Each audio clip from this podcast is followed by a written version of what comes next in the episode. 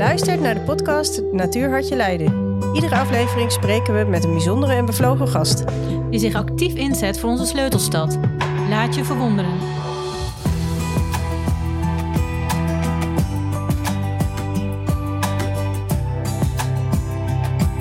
Het geboren worden in een democratie is voor veel Nederlanders een gegeven. We stemmen elke vier jaar tijdens de landelijke, provinciale, gemeentelijke en waterschapsverkiezingen op mensen die wij zien als waardige en kundige vertegenwoordigers van onze stem. Vandaag spreek ik met een heel bijzondere gast, van wie haar roots liggen in de voormalige DDR, over democratie en haar werk als gemeenteraadslid voor de partij D66. Bovendien is onze gast van vandaag een expert op het gebied van de energietransitie en zet zij zich ook praktisch in voor onze stad Leiden. Zo heeft zij geholpen met het opzetten van het Repair Café in Leiden en zet zich elke dag in om de mensen met elkaar te verbinden. Immers, samen bereiken we veel meer. Laten we snel in gesprek gaan met Antje Jordan. Welkom Antje, wat leuk dat je er bent. Hey, bedankt voor de uitnodiging. Hey, en laten we even beginnen eh, terug naar je, naar je jeugd. Uh, je bent geboren en deels opgegroeid in de DDR. Hoe was het leven in de DDR? Hoe zag die wereld eruit? Ja, dat is terugkijken naar je kindheid altijd gevaarlijke nostalgie ligt op de loer. Maar het was in ieder geval heel overzichtelijk. En mensen waren meer, uh, nou waren ook meer op hetzelfde eigenlijk onderling. De verschillen waren niet zo groot als nu. Dus je had op school eigenlijk de kinderen die, uh, die op school zaten, waren, werden beoordeeld op wat ze konden en niet of hun ouders het geld hadden om hun mee te laten doen. Mm-hmm. Dat is wat ik mij als kind herinner. En ik weet natuurlijk dat er ook kinderen waren wiens ouders niet in het systeem meededen en die hadden minder kansen, maar dat zag ik persoonlijk niet zo. Mm-hmm. En um, het is het is niet een democratisch systeem waar je bent in, bent opgegroeid. Wat zag je daarvan terug? Ja, ik was twaalf toen de muur viel, dus uh, altijd vanuit de visie van een kind. Maar ik zag wel dat informatie uh, als, als een soort waarde had. Informatie was iets wat je niet zomaar deelde.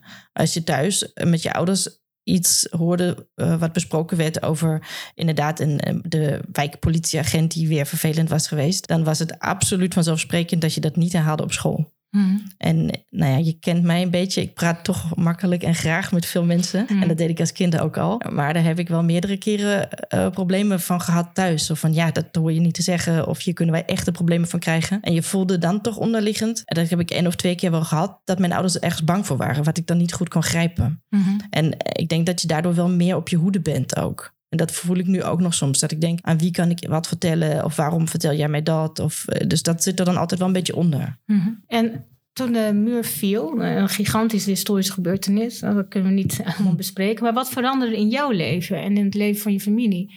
Hoe veranderde het systeem? Of wat viel jou op? Sowieso, alles wat daarvoor volledig onveranderbaar leek, was ineens anders. De carrières van mijn ouders waren ineens niet meer waar, waar. Want die waren allebei ook politiek actief, maar werkten op van die hele grote staatsboerderijen. Mm-hmm. Die werden opgeheven. Dus mijn vader heeft uh, een deel van een van die boerderijen overgenomen met een collega en deed iets heel anders op de boerderij. En mijn moeder werd verpleegkundige. Dus dat was heel veel impact, want dat betekende dat ik ineens moest koken. Mm-hmm. Dat ik, ik was twaalf en ik uh, moest ineens zorgen dat eten op tafel stond. Heel stom en simpel misschien, maar wel impactvol mm-hmm. voor mij. Die uh, leeftijd. Ja, de, en veel van die schoolactiviteiten veranderden. De, het hele curriculum op school was ineens anders. Leraren waren weg, want die waren gevlucht of uh, in de vakantie toch maar naar het westen verhuisd. Kinderen van school kwamen niet terug na de zomervakantie van de 89. Dus het was heel onrustig. Mm-hmm. en en ergens ook wel interessant om te zien. Want als kind begrijp je toch nooit alles wat er gebeurt. Maar ik dacht, ja, alles kan blijkbaar wel anders zijn. Mm-hmm. Dus dat, dat is mij wel bijgebleven. Dat we echt een, die zomer toen, dat was denk ik dan de zomer van 1990, dat we echt voor de school stonden met hele grote kliko-bakken. En alle kaartmateriaal, alle schoolboeken, alles ging de bak in. Fascinerend. En het volgende jaar was alles anders. Het is heel, heel onwerkelijk eigenlijk. Ja, en het is ook wel uh, dat, dat, dat informatie die je krijgt als kind echt wordt bepaalde manier wordt gekozen door ja. en gestuurd wordt door, door anderen. Ja, en dan vaak impliciet, want het is nooit tegen ons gezegd. Maar ik dacht heel lang dat Oost-Duitsland en West-Duitsland zich tot elkaar verhielden als Amerika en Engeland. Oh ja. Ik had echt niet door dat dat één land was. Uh, waar, uh, dat hebben ze ons nooit verteld. En, en uh, wij dachten op school eigenlijk ook als kind dat wij in het oosten door de Russen waren gered van al die nazi's. Ja, dat is ja. ja. Dus dat is heel, eh, ja, hele rare werkelijkheid maak je, maak je dan. Ja, en ineens word je wakker in een totaal andere wereld. Ja, en, en het is natuurlijk wel generationeel ook. Want mijn opa, die is natuurlijk opgegroeid in het Derde Rijk. Die was Mhm. 14, toen stond hij met een wapen bij Berlijn. Ja, zo. Toen is tegen hun gezegd, nou, als de Russen komen, dan eh, eten ze je moeder. En verkrachten je zus. Hm. En één jaar later stond hij naast de Russen en moest de bevrijding vieren. Dus het is echt een beetje opeenvolgend, denk ik, weinig vertrouwen ook in overheden bij ons. Ja, dat snap ik wel. En ik heb daar wel voor mezelf van gemaakt dat de overheid wel moet doen waar ze voor is. Mhm. Omdat het anders kan veranderen. Hm. En ook wel een soort overtuiging dat alle systemen kunnen veranderen. Ja. Dus als ze vroeger op mijn werk zeiden, nou de vakbonden, dat doen we altijd al zo. Dan zei ik, nou mensen, alles kan anders. Mhm. Ja, en toen je je maiden speech gaf hè, als eh, raadslid, ehm, heb je het ook echt wel gehad over de democratie. Ehm, en dit kwam echt wel nadrukkelijk naar voren. En hoe belangrijk is die in een democratische staat voor jou? Heel erg belangrijk. En daaronder zit misschien ook wel een soort angst dat alles weer anders is. Mhm. Maar ehm, het is ook een recht. En ik vind dat je dat recht moet gebruiken, dat je mee moet doen. En het is niet perfect, dat merken we hier in Leiden ook. Want eh, eh, nou, het is ook een systeem wat misschien nu niet beter wordt door het lang gemoedelijk te gebruiken. Mhm. Mm, Dus het is misschien een systeem wat af en toe opgeschud moet worden. Mhm. Maar het is wel het beste wat ik in elk geval kan verzinnen. Mhm. Want in een dictatuur kan je misschien heel snel stappen maken, maar dan wel de stappen van één iemand. En altijd ten koste van de vrijheid van anderen. En, en in de democratie kan een- iedere, iedereen in elk geval theoretisch meedoen. Ja. En ik vind het een verplichting van diegenen die aan de goede kant zitten. Zoals ik, die een goede opleiding hebben kunnen doen en die een huis hebben en een goede baan. Om te zorgen dat zoveel mogelijk van de andere mensen zelf mee kunnen doen, maar ook dat wij hun belangen verdedigen. Ja, sommige mensen die kunnen hun stem niet gebruiken of, of weten niet goed hoe. Hebben de tijd niet of zo andere zorgen waardoor het... eh, Ja. En ehm, is er een gebeurtenis in jouw jeugd geweest die, dat je zelf merkt... oh, toen begon eh, eigenlijk mijn passie voor het vertegenwoordigen van mensen al? ja, dat is een goede vraag. Ik denk de eerste keer was ik denk ik vier of vijf. Ja. maar dat was wel het vertegenwoordigen van, van de spinnen die gematteld werden op de kleuterschool. Nou, heel goed. En dat die, ik- hebben, die hebben geen stemsbinnen, Nee, dus opkomen voor ja, dieren. dus ik ging brandnetels plukken en de kinderen slaan die de spinnen de benen uittrokken. En toen zei wel de kleuterleidster, het is niet aardig van jou. Je hebt wel een goed punt, maar het mag niet. Hm. Dus nou, Of dan leer je het anders oplossen. ja. En toen was het later, de- wel op school was ik ook wel altijd diegene die dan eh, dat probeerde te verwoorden wat in de pauze iedereen zei. En ineens stond ik daar in mijn eentje bij de leraar. Maar na de val van de muur hadden we wel ineens een schoolvertegenwoordigingssysteem. Dus ik was Mhm. toen wel de eerste schoolvertegenwoordiger bij ons. Ja, dat wel... En dat ja. vond ik heel leuk. Dat ik dacht, oh, je mag hier gewoon meepraten. En ze moeten nu naar je luisteren, want je bent gekozen. Ja. Dat was wel cool. Je bent nu al een aantal jaar actief als raadslid en dit is inmiddels ook je tweede termijn. En net als veel andere raadsleden werk je naast je raadlidschap en ben je ook nog eens actief op vele andere gebieden. Een heel druk bestaan.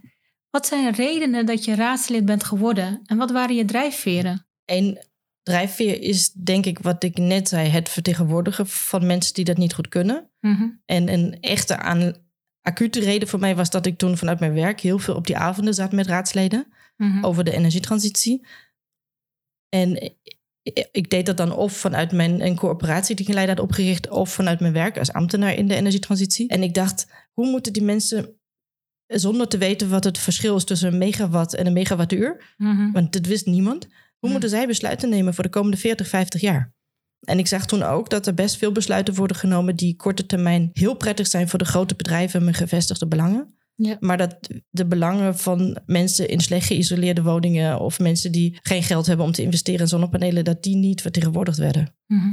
En toen dacht ik, nou, ik heb een mening, ik kan blijven zeiken vanaf de zijlijn. Mhm. Of ik ga me verkiesbaar stellen. En dat is toen ook direct wel gelukt. Dat was wel leuk. Mhm. En, en nu de tweede periode dacht ik, nou ja, het is altijd makkelijker dan om door te gaan als je al één keer hebt gedaan. Ja. Dus ik dacht, nou, dan doe ik het nog een keertje. Nou ja, en ook voor de continuïteit is dat essentieel. ehm, hè, zodat de kennis en kunde eh, die jij eh, bezit, kunnen ze inderdaad natuurlijk ook goed gebruiken.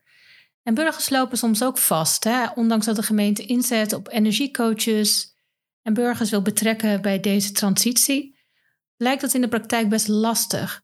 Kun je een voorbeeld geven van een project dat juist heel succesvol is geweest? In Leiden specifiek, Ja.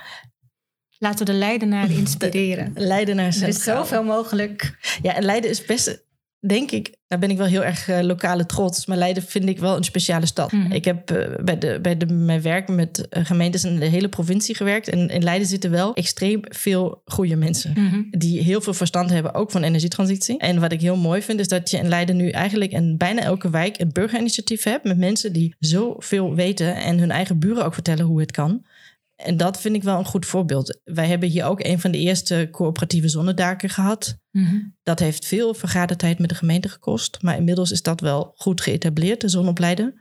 We hebben Energiek Leiden, een van de eerste grote energiecoöperaties. Die onder andere die windturbines ook langs de ehm, A4 hebben meegefinancierd. Ja, met de Watergeuzen. De Watergeuzen, Ja, beste naam ooit. Ja. En ja, ik vind het nu ook heel mooi dat steeds meer burgerinitiatieven eh, samenwerken. Dat Mhm. vind ik echt heel mooi om te zien. Dat die netwerken elkaar helpen. Ja, en dat is voor de gemeente en voor elkaar natuurlijk eh, heel prettig, want dan bereik je gewoon meer. Een Ja. gemeente alleen kan het niet dragen. Die kan wel eh, inzetten, en dat, dat doet gemeente Leiden ook echt wel, met, met nou ja, wat die energiecoaches en Ja. andere burgerraden inmiddels. Eh, maar je hebt ook andere mensen nodig weer als verbinding naar, naar de wijk of naar mensen die, Ja. die wonen in wijken. Dus Nou, dat het is eh, mooi. blijkt dat het heel erg helpt als iemand die in hetzelfde soort huis woont als jij, Mhm. laat zien wat, wat kan. Ja. Want dan kan de gemeente wel vertellen, in een gemiddeld jaren 30 huis eh, kan je dit en dat doen. Mhm. Nou, het zal wel. Maar als Mhm. jouw buurman laat zien dat, dat hij misschien met zonnepanelen en een eh, groot warmteboiler eh, in een buffer valt,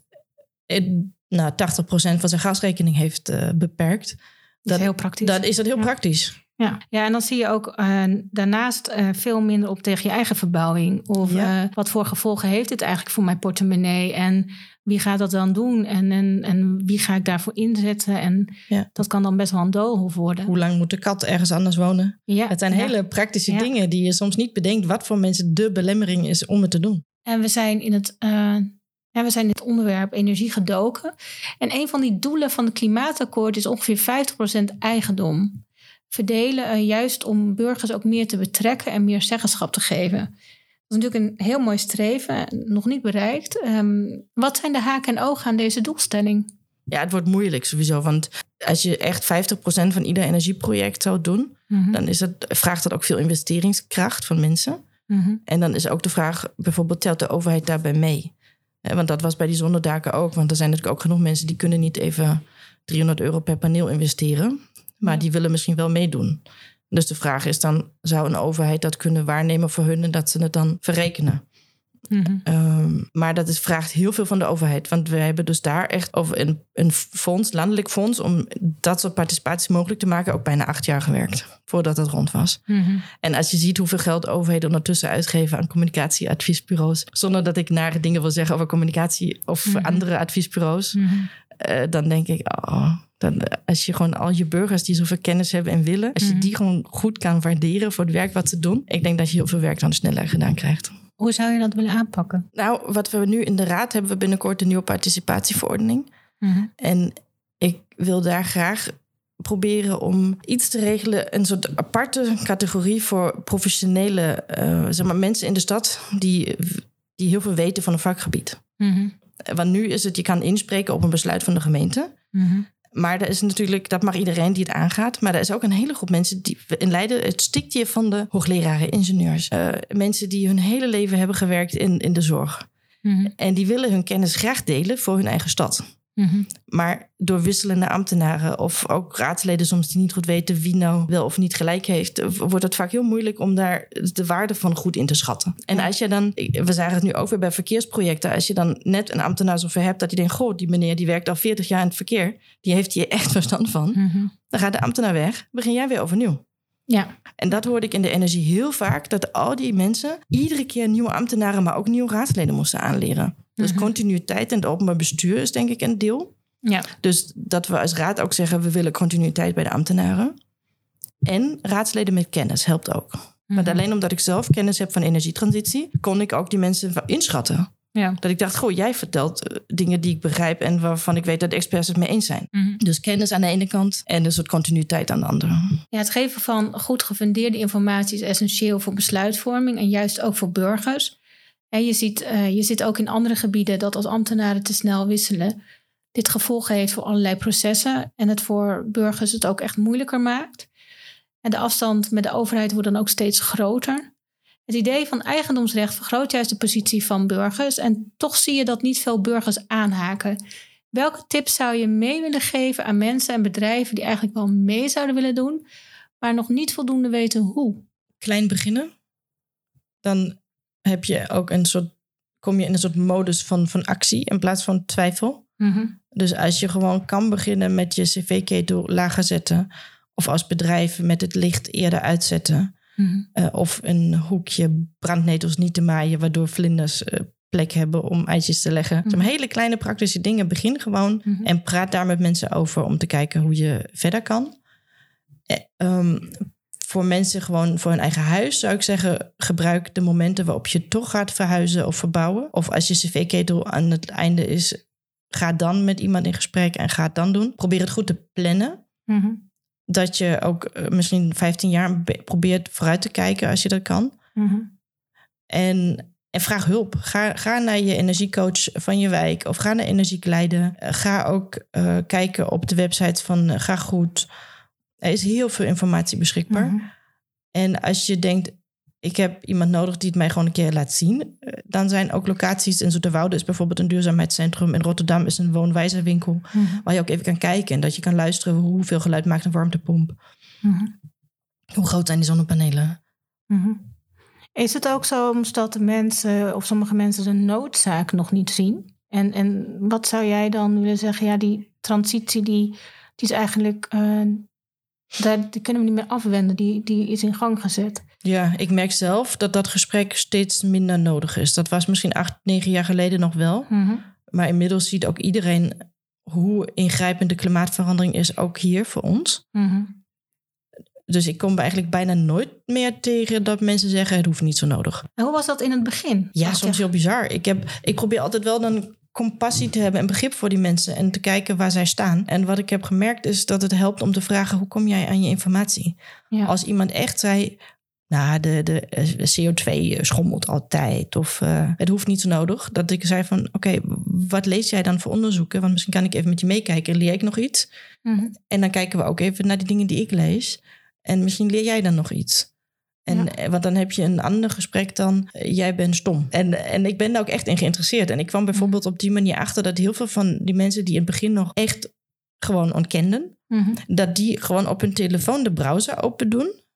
Wat ik allemaal heb uitgezet. Maar dat die dan een automatische suggestie krijgen van verschillende nieuwsoutlets.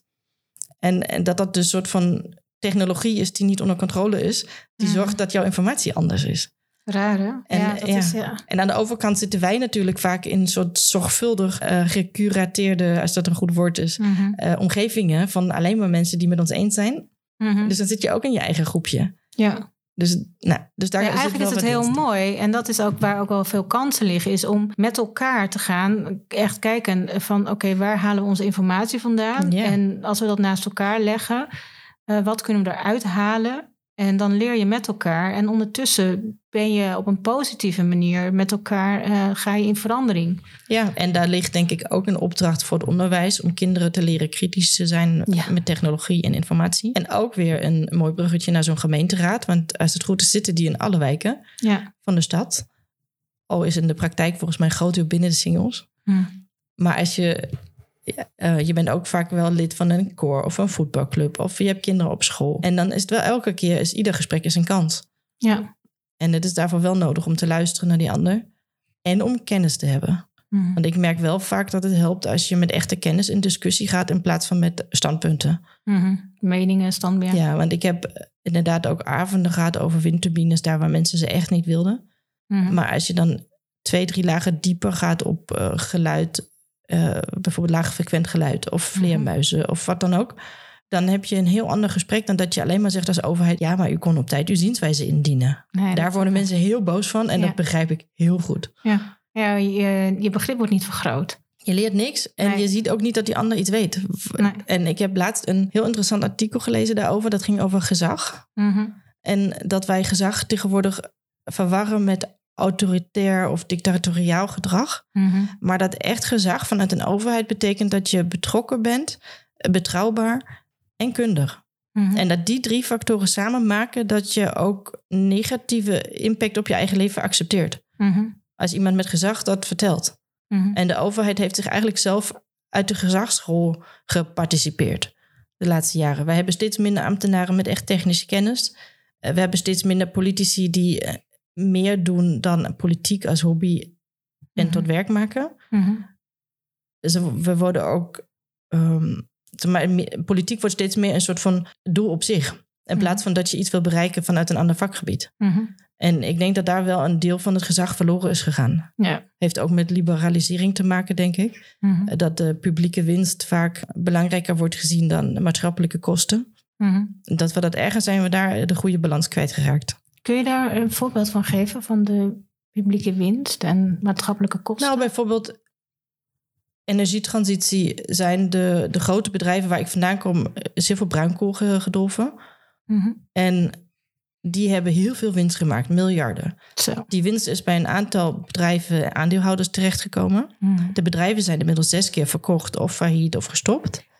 Maar de maatschappelijke kosten zijn er nog. Ja. En die winst konden zij alleen maar maken omdat wij die gevolgkosten van het lekkende grondwater, het ijzer in het drinkwater, de eh, verlies van biodiversiteit, van eh, opwarming van de aarde, omdat wij die maatschappelijke kosten niet hebben afgetrokken van de winst. Ja. Anders was die winst nooit zo groot. Nee. Dus wij maken steeds verkeerde rekensommen en dan zeggen we de transitie is niet rendabel.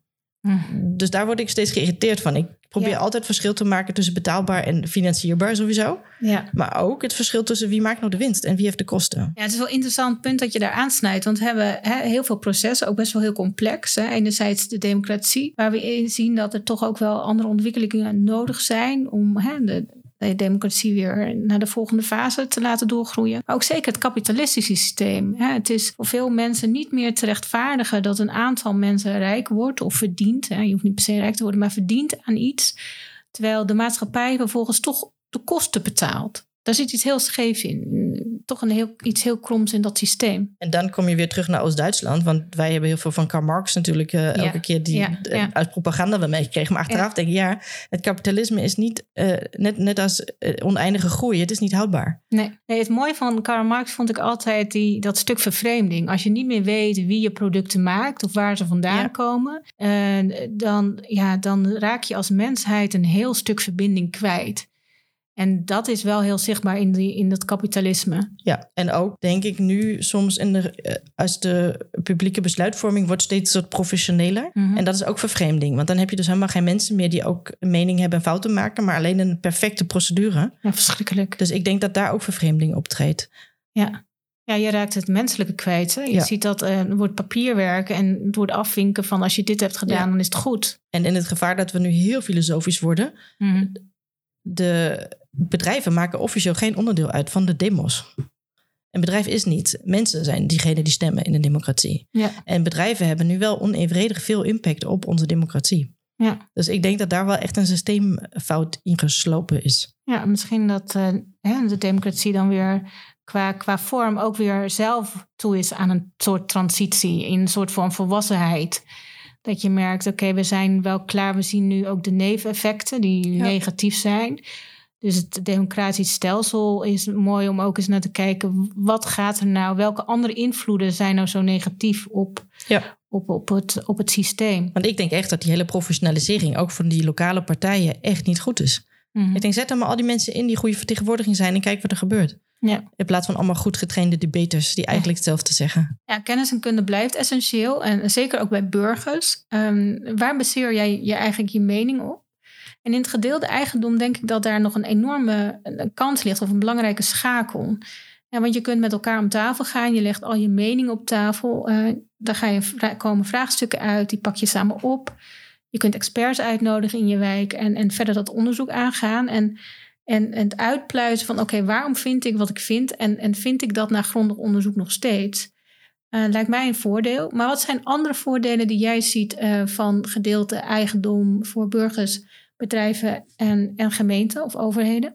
Een beetje wat jij net zei ook over vervreemding. Op het moment dat je samen eigenaar bent, is het van jou. En ik geloof zelf heel erg in het coöperatieve eigendom. En in een coöperatie heeft iedereen eenzelfde stem. Mhm. En of jij dan twee zonnepanelen op dat dak hebt op 20, jouw stem is hetzelfde. Ja, dat is heel goed. Ja, En dat is heel goed, want daarmee geef je dus ook mensen met minder geld wel een stem. ja en zeggenschap. En dat precies, en dat maakt dus verschil wat zij vinden.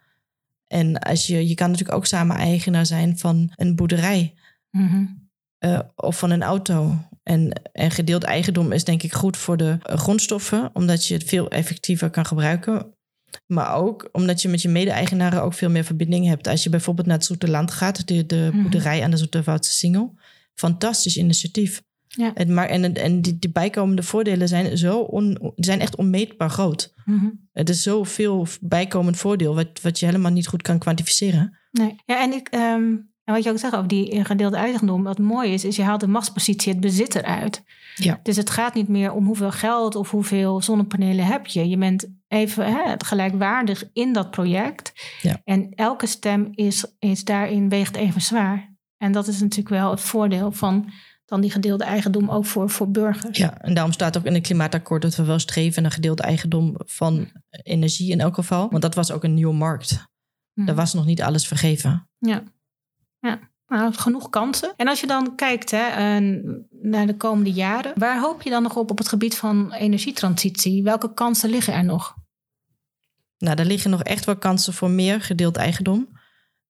En wel met het oog op zeggenschap en niet het oog op winstdeling per se. Want dat zijn natuurlijk ook verschillende kenmerken weer van een corporatie. Want je kan ook in een corporatie alleen om geld te verdienen, maar ook om inderdaad in je eigen buurt zeggenschap te houden. Maar als wij de komende jaren bijvoorbeeld ehm, meer eh, WKO's aanleggen, dat zijn uh, warmte-koude opslag in de grond, Mhm. dan kan je die doen ieder voor zich in zijn eigen voortuintje. Mhm. Maar je kan het ook doen met 10 of 100 woningen in één keer. En dan is de investering per persoon lager. En je kan met elkaar technisch ook eh, balanceren, maar dat is een heel ander gesprek. Je kan Mhm. de warmte ook uitwisselen, Mhm. wanneer je misschien jij het niet nodig hebt, maar je buren wel. Mhm. En daar liggen denk ik echt kansen voor gedeeld eigendom, maar dat zal wel door de gemeente gefaciliteerd moeten worden. Je kan niet van elke wijk verwachten dat ze dat zelf doen. Al Mhm. zijn er een paar wijken in Leiden die heel goed bezig zijn. Mhm. En dat zijn de voorlopers en die heb je dan Ja. weer in alle processen nodig. ja, in het Houtkwartier, in de Merenwijk, er zijn echt een aantal wijken zijn heel goed bezig. Mhm. met mensen die hebben zoveel kennis dat ik elke keer nou echt denk, wat doe ik hier eigenlijk behalve hun misschien aan elkaar voorstellen. ja, Maar, faciliteren ja, is, eh, faciliteren, dat ja. is niet... eh, dat, dat is en niet tegenwerken. Ja. Want je ziet vaak wel dat de grote ontwikkelingen eigenlijk die kleine ontwikkelingen onderuit concurreren op eh, nou, managebaarheid. Want het is overzichtelijker natuurlijk als je met één grote partij te maken hebt dan met honderd kleine. Ja. Maar op lange termijn heb je veel meer zeggenschap en ook duurzamere projecten, omdat mensen zich verantwoordelijk blijven voelen. Ja, en hoe kleiner de afstand is tussen een project en, en, en, en mijn eigen leven, hoe meer betrokken ik mij voel. En dat we elkaar dus ook echt nodig hebben in een wijk. Hè. We kunnen elkaar helpen, we kunnen elkaar ondersteunen. En zo kan iedereen aanhaken. Ehm, en, en, en als je dan nog even terug naar je raadslidschap, ehm, waar zou je nog meer op willen inzetten? Het lijkt mij heel mooi als wij al die experts uit Leiden een extra stem kunnen geven, soort van. Mhm. Want die zijn, nu zijn ze een soort burgers die komen participeren bij de gemeente. Mhm. En dan denkt de gemeente, oh, daar komen ze weer. En ze weten alles beter. Maar vaak Mhm. weten ze ook alles beter. Dus ik zou bijna een soort keurmerk voor hun willen maken. Zodat zij niet iedere keer als er weer een nieuw ambtenaar zit of een nieuw raadslid... opnieuw moeten uitleggen dat zij het echt begrijpen. Ja, en dat kost heel veel tijd en energie, eh, frustratie. Dus op dat gebied valt er nog echt wel veel te winnen. Eh, nou, we hebben al heel veel gehoord over energietransitie, dus dank je wel daarvoor. En de komende decennia zullen wij daar natuurlijk ook de veranderingen echt gaan meemaken. Ehm, laten we dan naar het derde deel gaan van dit gesprek. Eh, want je bent namelijk op veel lagen actief in, in de stad Leiden. En we kennen het namelijk allemaal wel dat een apparaat stuk gaat. eh, en we het niet meer in staat zijn om het te maken. En vaak belanden al die apparaten op een enorm grote vuilnishoop. Er is echter een veel mooier initiatief en daar ben jij betrokken bij geweest, of ben je nog steeds bij betrokken, namelijk het Leids Repair Café. Eh, hoe is dat in zijn werk gegaan en wat houdt het in? Het is ooit, heel, ik denk 2010, was het allereerste van de wereld in Amsterdam. Zo. En er waren toen eh, twee of drie studenten in Leiden die dachten, oh, dat willen wij ook. Mhm. En een van die studenten was mijn collega. En die, die had. eh, Op een gegeven moment kwam ik hem tegen gewoon in de trein naar mijn werk. En die zei van ja, en we hebben Repair Café en we zoeken nog wel mensen die iets kunnen. Ik dacht, nou ja, ik zeg, ik kan niet. Kan messen slijpen, maar niet eh, elektrische apparaten repareren. Maar ik kan wel organiseren. Ja. Dus ik ben toen eh, gaan helpen gewoon met de organisatie, met het eh, onderhandelen over locaties, met de gemeente ook toen al. En, maar ook een beetje het zorgen dat de juiste bezoekers bij de juiste reparateurs kwamen. En dat was 2012 en ik doe het nog steeds met heel veel plezier. Dat is super, want waar vindt de, de Repair Café plaats? Waar, hoe kunnen mensen daar komen? En- Tegenwoordig zitten we in het wijkcentrum op Eigen Wieken in de Merenwijk. En dat is elke tweede zaterdag van de maand tussen 1 en vier ongeveer. Mhm. En we hebben tegenwoordig vaak acht, negen elektriciens en een fietsenmaker en een meubelmaker en ook eh, kledingmakers. Het zou geweldig Ja. zeg. Dat is echt super. Ja, het is echt geweldig. En dan komen mensen met hun. De ene komt met de lampen van een overleden oma die heel erg emotionele waarde heeft en waar Mhm. niemand weet wat er mis mee is. En dan gaat een van onze reparateurs zich opstorten en dan is die gemaakt. Zo. En, en hoe zit het bijvoorbeeld met, met kosten? En, Het is gratis Mhm. en mensen doneren. En de laatste tijd merken we dat mensen steeds meer doneren. We weten ook niet precies hoe het komt. Mhm. Maar wij kopen van dat geld dan eh, weer nieuw gereedschap en soms ook wel onderdelen. Want in principe doen wij geen onderdelen, maar je hebt soms mensen die hebben gewoon echt geen geld om een eh, vervangend, eh, weet ik veel, wiel voor de fiets te kopen. En Ja. dan gaan we daar wel bij springen. Ja, dat is natuurlijk mooi. Ja. En En, dan- en, ja, en we bieden ook wel plek voor mensen die vrijwilliger bij ons zijn. Sommigen ook al vanaf het begin. Ja. Die niet heel makkelijk ergens anders terecht kunnen. Mhm. En ja, dat- zal wel ja. werkervaring opdoen en ook een Maar ook netwerk. netwerk. En eh, hè, je, je kennis en kunde kunnen blijven gebruiken. Ja. En toch, eh, dat is heel goed voor eigenwaarde. Dus ik denk dat het Ja. juist super is dat mensen op die manier toch in kunnen blijven zetten. Ja, dat vinden wij ook. En soms zijn het eh, gepensioneerden, maar soms zijn het ook mensen in de bijstand. Soms zijn het mensen die gewoon net als ik een fulltime baan hebben en het erbij Ja. doen, omdat ze er heel blij van worden. Ja. En het, dat vind ik ook een van de mooiste dingen, dat die elkaar allemaal ontmoeten. Ja. En ik heb mij niet altijd Ja. beseft hoe waardevol mijn netwerk is. Mhm. Totdat ik daar ook het heb kunnen inzetten voor mensen die helemaal geen netwerk hebben. Ja. Ik heb echt niet geweten hoe makkelijk je mensen kan helpen met alleen maar een telefoontje.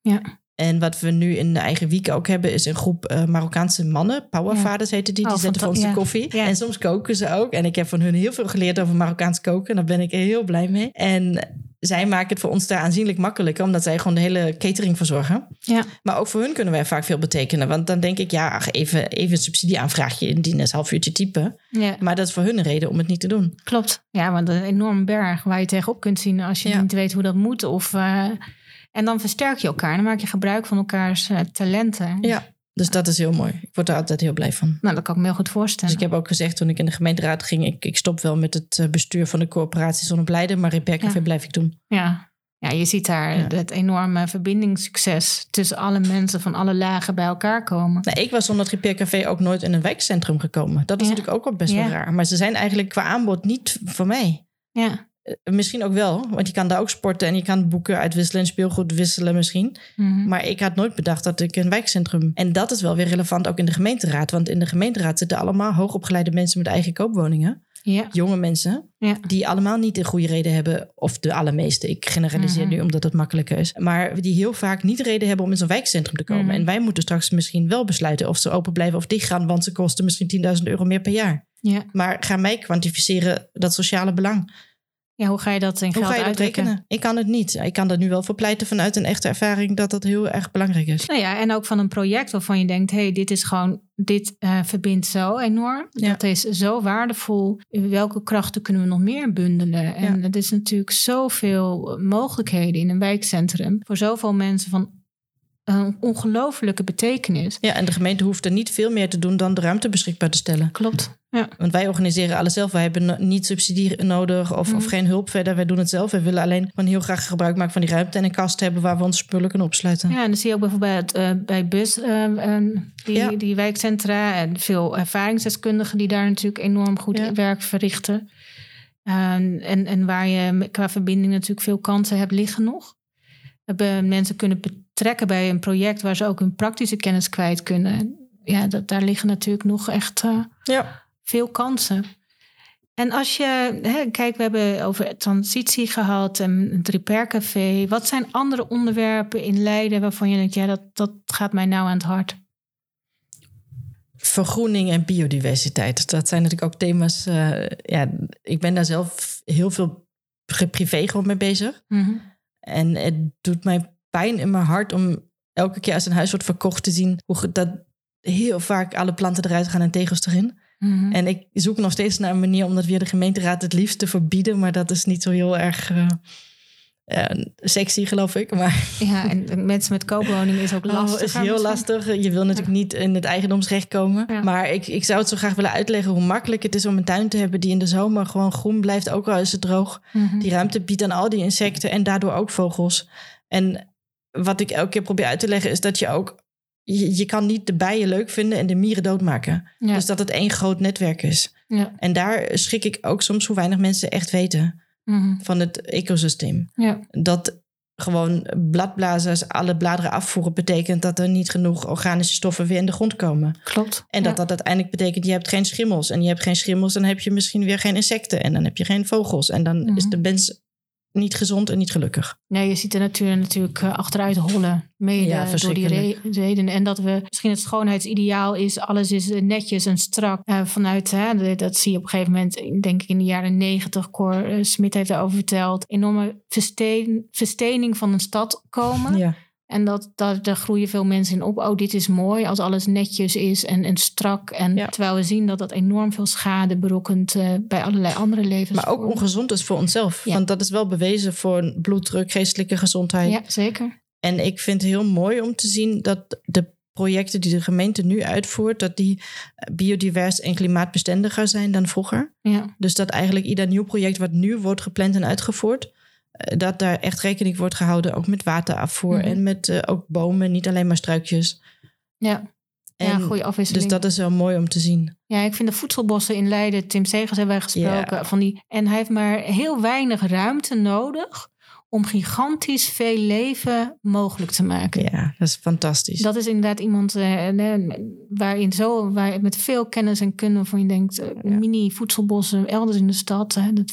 Ja, je kan zoveel verschil maken. Maar ook als je gewoon een hele kleine stadstuin hebt. Ja. Ik heb het in mijn vorige huis ook. Ik heb daar 15 jaar gewoond. Waarvan ik de laatste 10 jaar alleen maar bezig was eigenlijk met vergroenen. Mhm.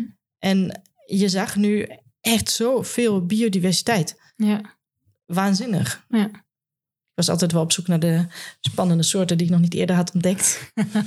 Blijft leuk, hè? Ieder zijn eigen afwijking. Ja, maar de tuin der Ja. ontdekkingen kun je gewoon zelf Ja. maken. hè. Je hoeft daar eh, Ja. niet ver Ja, voor we hebben toen met. Naturalis, met Menno Schildhuis, ook de expeditie Achtertuin georganiseerd. Dat was echt onwijs leuk. Want Menno die had een heel goed plan met die expeditie. En ik eh, kwam eh, Kirsten tegen. Ja, ja, ja. Die ken ik dan weer ook weer, weer de gemeenteraad vanuit een ander project waar we biodiversiteit hebben gemeten. Mhm.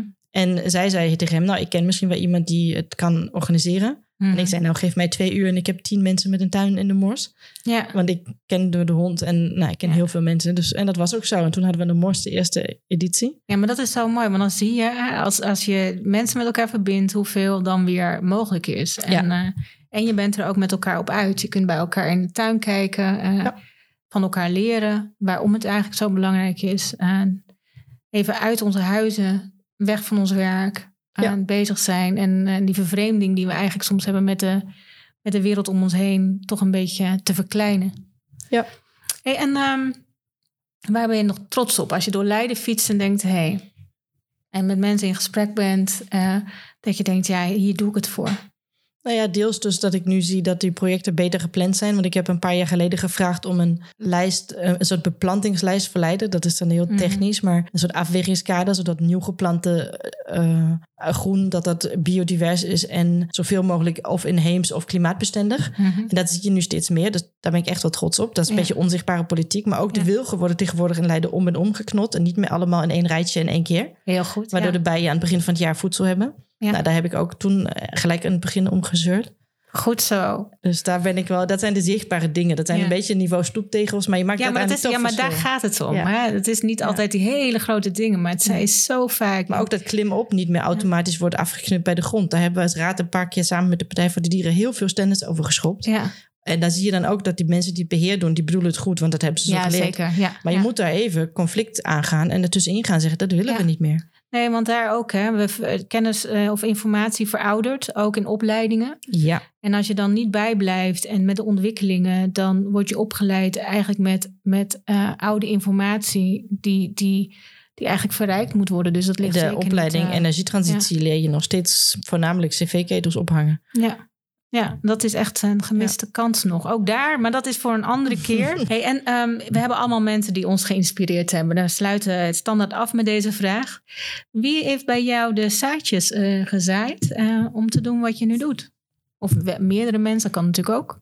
Ja, nou echt, echte zaadjes aan, helemaal aan het begin, dat ligt denk ik wel in de familie. Mhm. Dat is wel echt mijn, mijn moeder en mijn oma en mijn tante, die allemaal tuinen hadden die een explosie voor biodiversiteit waren. Waar bloemen en planten en dieren, eh, zeg maar, of bloemen en, en groenten en Mhm. eh, vaste planten, bomen, alles was door elkaar. En dat er wordt gezegd, nou, in die boom, daar woont gewoon de merel, daar blijven we van af. Ja, Eh, of daar woont de das, in ons geval dan in het bos, nou, daar blijven we ook van af. wat mooi. Ja. Dus een soort van natuurinclusiviteit is er met mij altijd wel echt als onderlaag ingegaan. ja.